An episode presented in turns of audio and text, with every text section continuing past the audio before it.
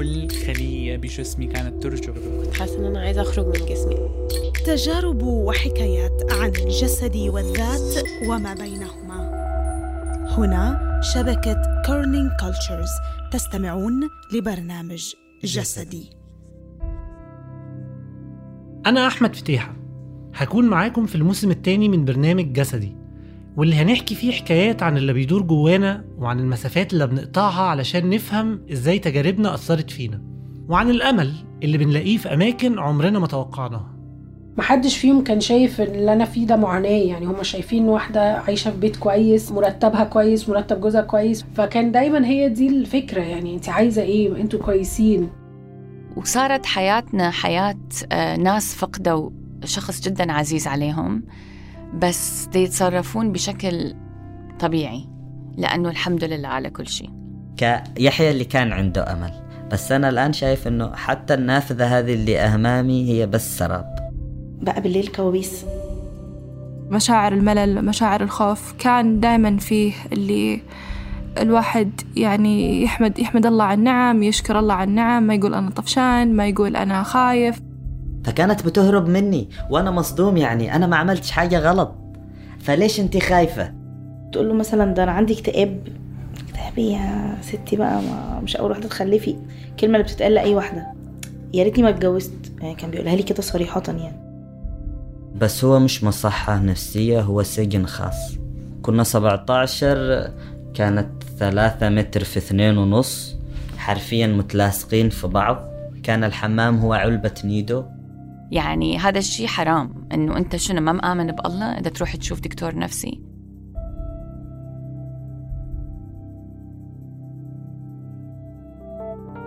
المرض النفسي مش عيب بس برضه مش بنتكلم عليه. ولو اتكلمنا مش بنتكلم كفاية أو بصوت عالي. ممكن نكون بنتكسف من الناس اللي حوالينا أو بنخاف من أحكامهم. وممكن أصلا نكون مش فاهمين إحنا بنمر بإيه. هنحكي حكايات وقصص عن صحتنا النفسية عن الحاجات اللي بتخوفنا من غير سبب عن القلق عن الاضطرابات عن المشاعر عن السعادة عن الغضب عن حاجات كتير. هنتكلم بجد من غير ما نزوق الكلام بس هنهزر برضو علشان دمنا مش تقيل وعلشان في الآخر كلنا مع بعض في نفس المركب. برنامج جسدي من إنتاج شبكة Kerning Cultures أنا مضيفكم أحمد فتيحة. استنوا حلقات الموسم الثاني من برنامج جسدي كل يوم تلات على كل منصات البودكاست.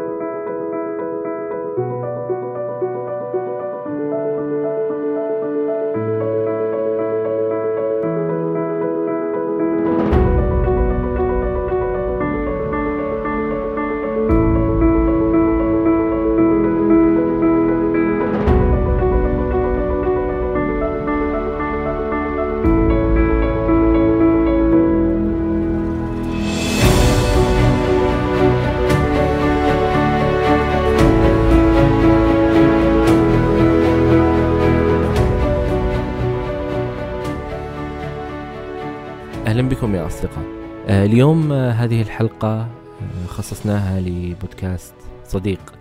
وأنا صراحة دائما يعني أكون سعيد لما أخصص حلقة كاملة أنه تكون لبودكاست مهتم بمجال الصحة النفسية.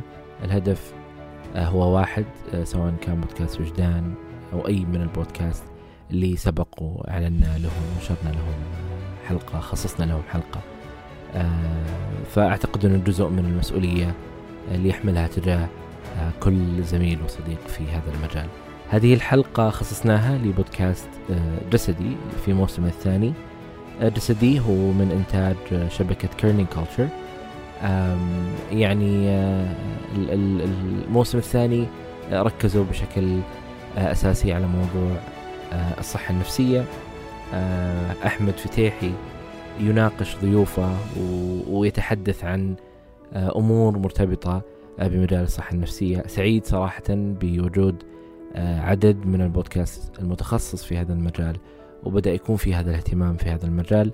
آه، فهذه بعض المقتطفات البسيطة من البودكاست طرق الاستماع لبودكاست آه، موسم في موسمه الثاني آه، بودكاست جسدي تجدونه في وصف هذه الحلقة. لا تنسوا يا أصدقاء تقييم بودكاست وجدان.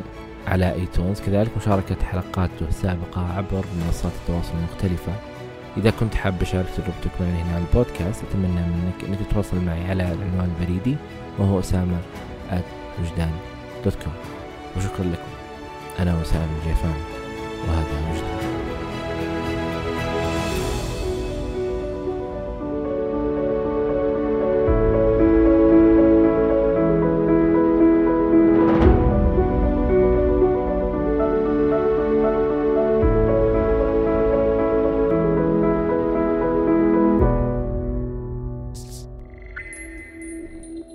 كل خلية بجسمي كانت ترجف كنت حاسة إن أنا عايزة أخرج من جسمي.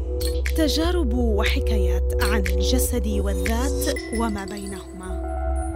هنا شبكة كيرنينج كولتشرز تستمعون لبرنامج جسدي. كنت أحس الناس اللي وزنهم زايد ما عندهم تحكم بالذات. ولو ولو بغوا قدروا. وكذا فكنت مرة يعني ما عندي تعاطف صراحة. كان تعاطف عندي مرة قليل. كنت كذا مرة أحكم. كنت, أحس الناس اللي ياخذون سي ولا دي ما درسوا زين. ما كنت أقول لا قد يكون الشخص وزنه زائد لأنه حالة عنده حالة نفسية يعني مثلا أكل عاطفي ولا ما أدري كسل في الغدة ولا الإنسان هذا اللي جاب درجة قليلة يمكن هذه قدراته. لا كنت دائما عندي اللوم. دائما ألوم.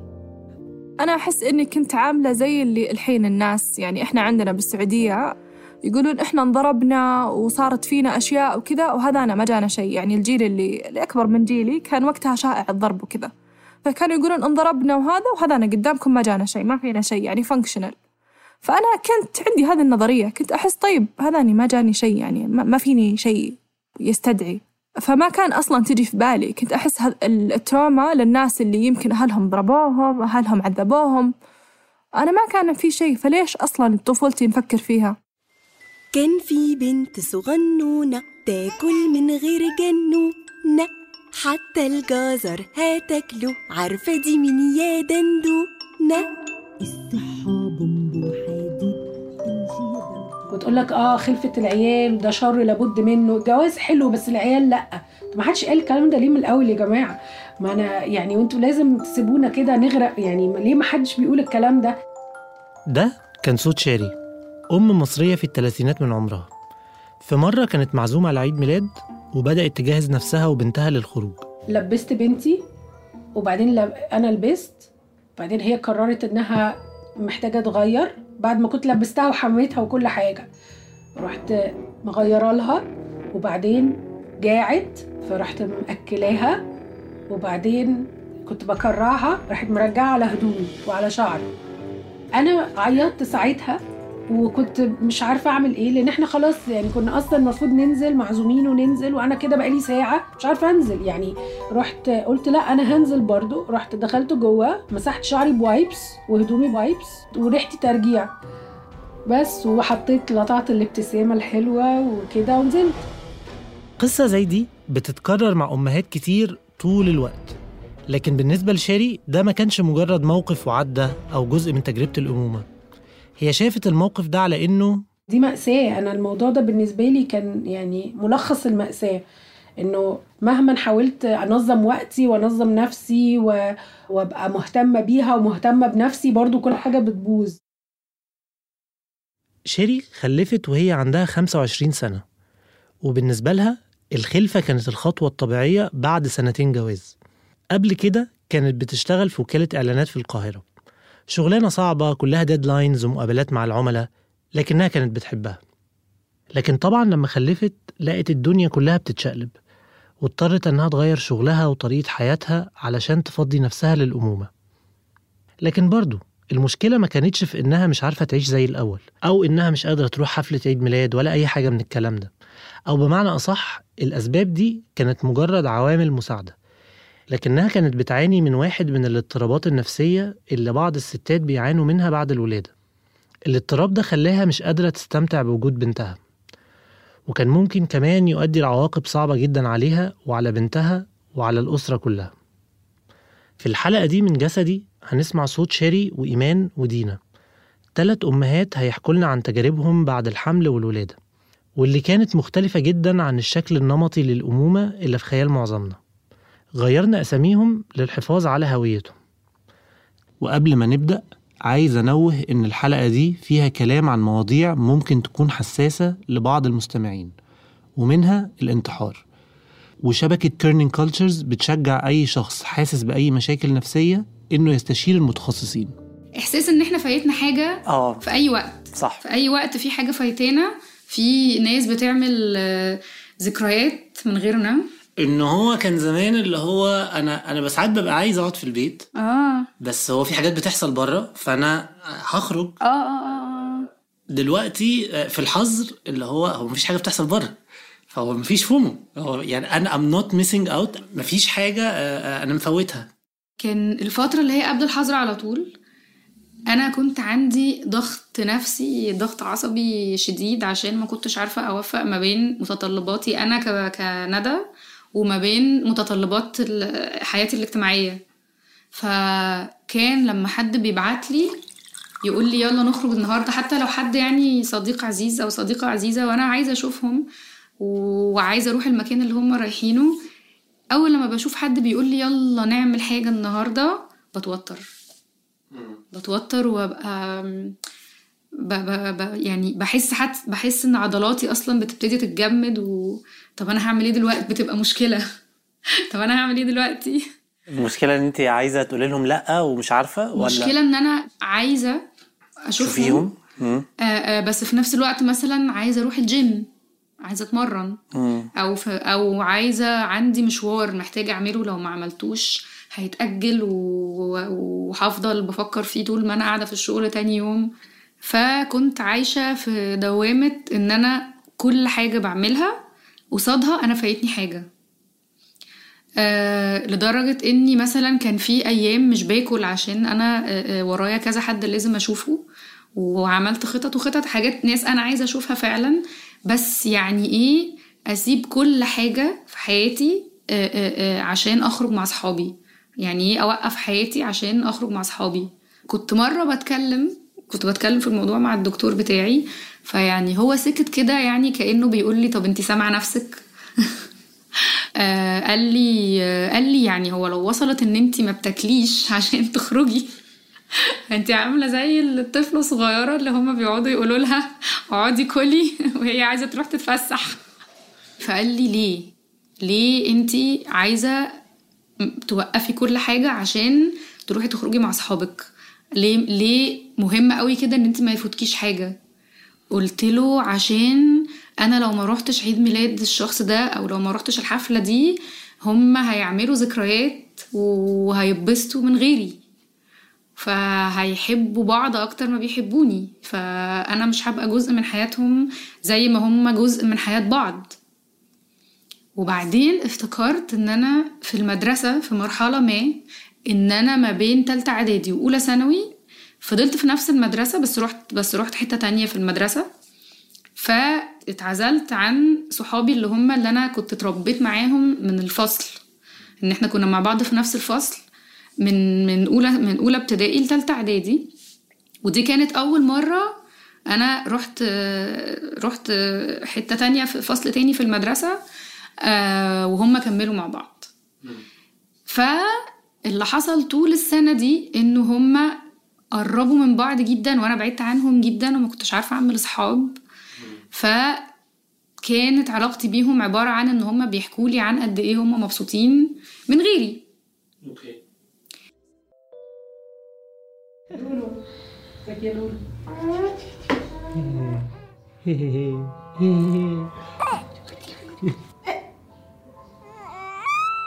بعد الولادة بدأت بقى على طول ب panic من كل حاجة. ودي إيمان اتجوزت في سن صغير وعن حب وفي ظرف سنتين خلفت ولد وبعديه بنت. المسؤولية كبيرة عليا فلما باجي أزقها على حد ده مش قادر يشيل. even حتى لو ماما مثلا واخواتي مثلا أنا عايزة أنزل أخرج مثلا. لا أنا هقعد باولادك الاثنين فبقيت كارهة زيادة يعني بقيت كارهة الحياة دي زيادة كمان.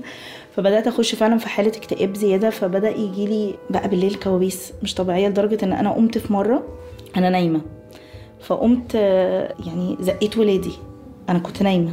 ويعني مرة تانية عضيت بنتي. ولقيتها بتصرخ. ولقيت إن أنا عضها بشكل مش بشكل صعب. وقعدت اليوم ده عياط ومش عايزة آكل آه، ومش عايزة أتعامل مع أي حد ومش مصدقة إن أنا عملت كده فيها ومش فاهمة ده إيه. الكوابيس والزق والعض اتكرروا مع إيمان أكتر من مرة. وهي مش عارفة ليه ده بيحصل مع إنها بتشتغل في تعليم الأطفال وعندها خبرة لا بأس بها عن الأمومة بحكم شغلها. الناس حوالين إيمان برضو ما كانوش مستوعبين الموقف خصوصا إن الفكرة الشائعة إن رعاية الأطفال على قد ما هي مرهقة على قد ما بتخلق سعادة ورضا عند الأم أو يعني هو ده الكلام اللي الناس مصدقاه. وبعدين بقى الموضوع كان بتاخد بقى بتريقة. يعني لما جيت أحكي لماما قالت لي ده أنت بقيتي خطر ما تناميش ال- الولاد جنبك. تنامي لوحدك. يعني عمر ما حد حتى لما جيت قلت قلت برضو لجوزي قال لي ما تناميش معاهم تاني. برضو كل ما أقول لحد لا لا لا طب يا جماعة قولوا لي مثلا شوفي إيه اللي حصل ده؟ الكلمة دي حقيقي ما اتقالتليش من فرد واحد. طب ولا حتى حد سألني طب أنت كنت بتحلمي بإيه؟ قبل ما نكمل محتاجين نفرق ما بين الإرهاق النفسي اللي معظم الستات بتمر بيه بعد الولادة نتيجة بقى قلة النوم والإجهاد والتغيير اللي بيحصل في حياتها وما بين الاضطرابات النفسية اللي بنتكلم عليها. رحت اتكلمت مع الأستاذة نرمين محرم أخصائية في الطب النفسي وشرحت لي الفرق ما بين الاتنين. في تدرج أو أنواع كتير للاضطرابات النفسية وكمان تدرج للأعراض بتاعتها. فإحنا عندنا أعراض منها اللي هي بنسميها البيبي بلوز أو المزاج السيء ما بعد الولادة. وده أعراضه بتبقى إن الأم بتبكي كتير ومتوترة ومش طايقة تشوف حد ولا حتى طفلها ولا قادرة ترضعه. بتخلق في عقلها سيناريوهات كتير عن كوارث هتحصل للطفل وبتفكر لو الكوارث دي حصلت هتعمل إيه. والموضوع ده منتشر جدا. سبع أمهات من عشرة بيعانوا في ده. في خلال أول أسبوع ما بعد الولادة بيوصل للقمة عند فعلا سابع يوم ما بعد الولادة وبيبدأ في الطبيعي اللي تدريجي جميل. فكون إن الست تحس بتعب نفسي بعد الولادة ده شيء طبيعي مفهوش أي مشكلة. لكن لو الأعراض دي استمرت أكتر من أسبوع أو أسبوعين؟ في الحالة دي أبدأ أفكر في إن في احتمالية إن إحنا داخلين على اكتئاب ما بعد الولادة. الأم بتيجي تقول أنا دلوقتي وحيدة ومفيش حد بيجيلي حاسة إن هي أي حاجة بتقدمها هي أم وحشة. هي مش أم كويسة. فهي عندها خوف من المسؤولية وعندها شعور دائم بالتقصير. فمزاجها بقى بيبقى وحش وأي حاجة ممكن تعكره. يعني مثلا لو شوية خضار في التلاجة باظوا ممكن تعيط وبحرقة كأن العالم انهار.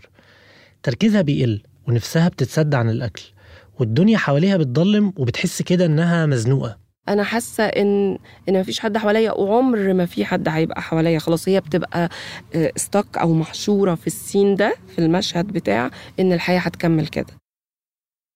اللي الأستاذة نرمين بتوصفه هو اليأس. اليأس من إن الأمور تتحسن والدنيا تختلف. تالت أم اتكلمت معاها اسمها دينا. وصفت حاجة شبه كده.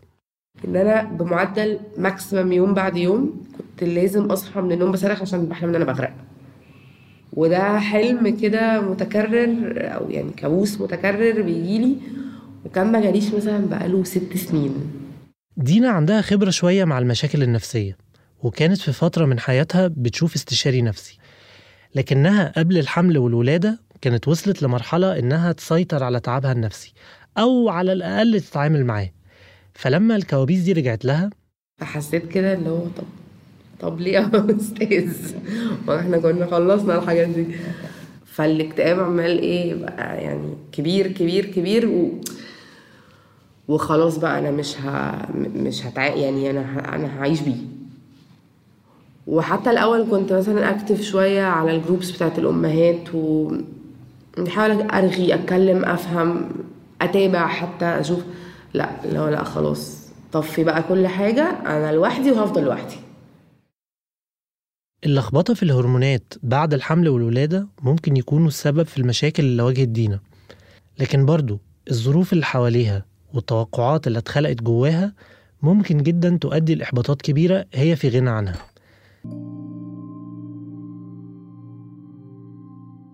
اللي حابب يسمع الحلقة كاملة بتقدروا تروحوا على برنامج جسدي على كل منصات البودكاست أو على الرابط اللي في وصف الحلقة. رح تلاقوا حلقة جديدة من جسدي كل يوم ثلاثة. برنامج جسدي من إنتاج شبكة كيرنينج كولتشرز إعداد وتقديم أحمد فتيحة. التصميم الصوتي لمحمد خريزات. استنونا من الموسم الثاني من بحب قريبا جداً.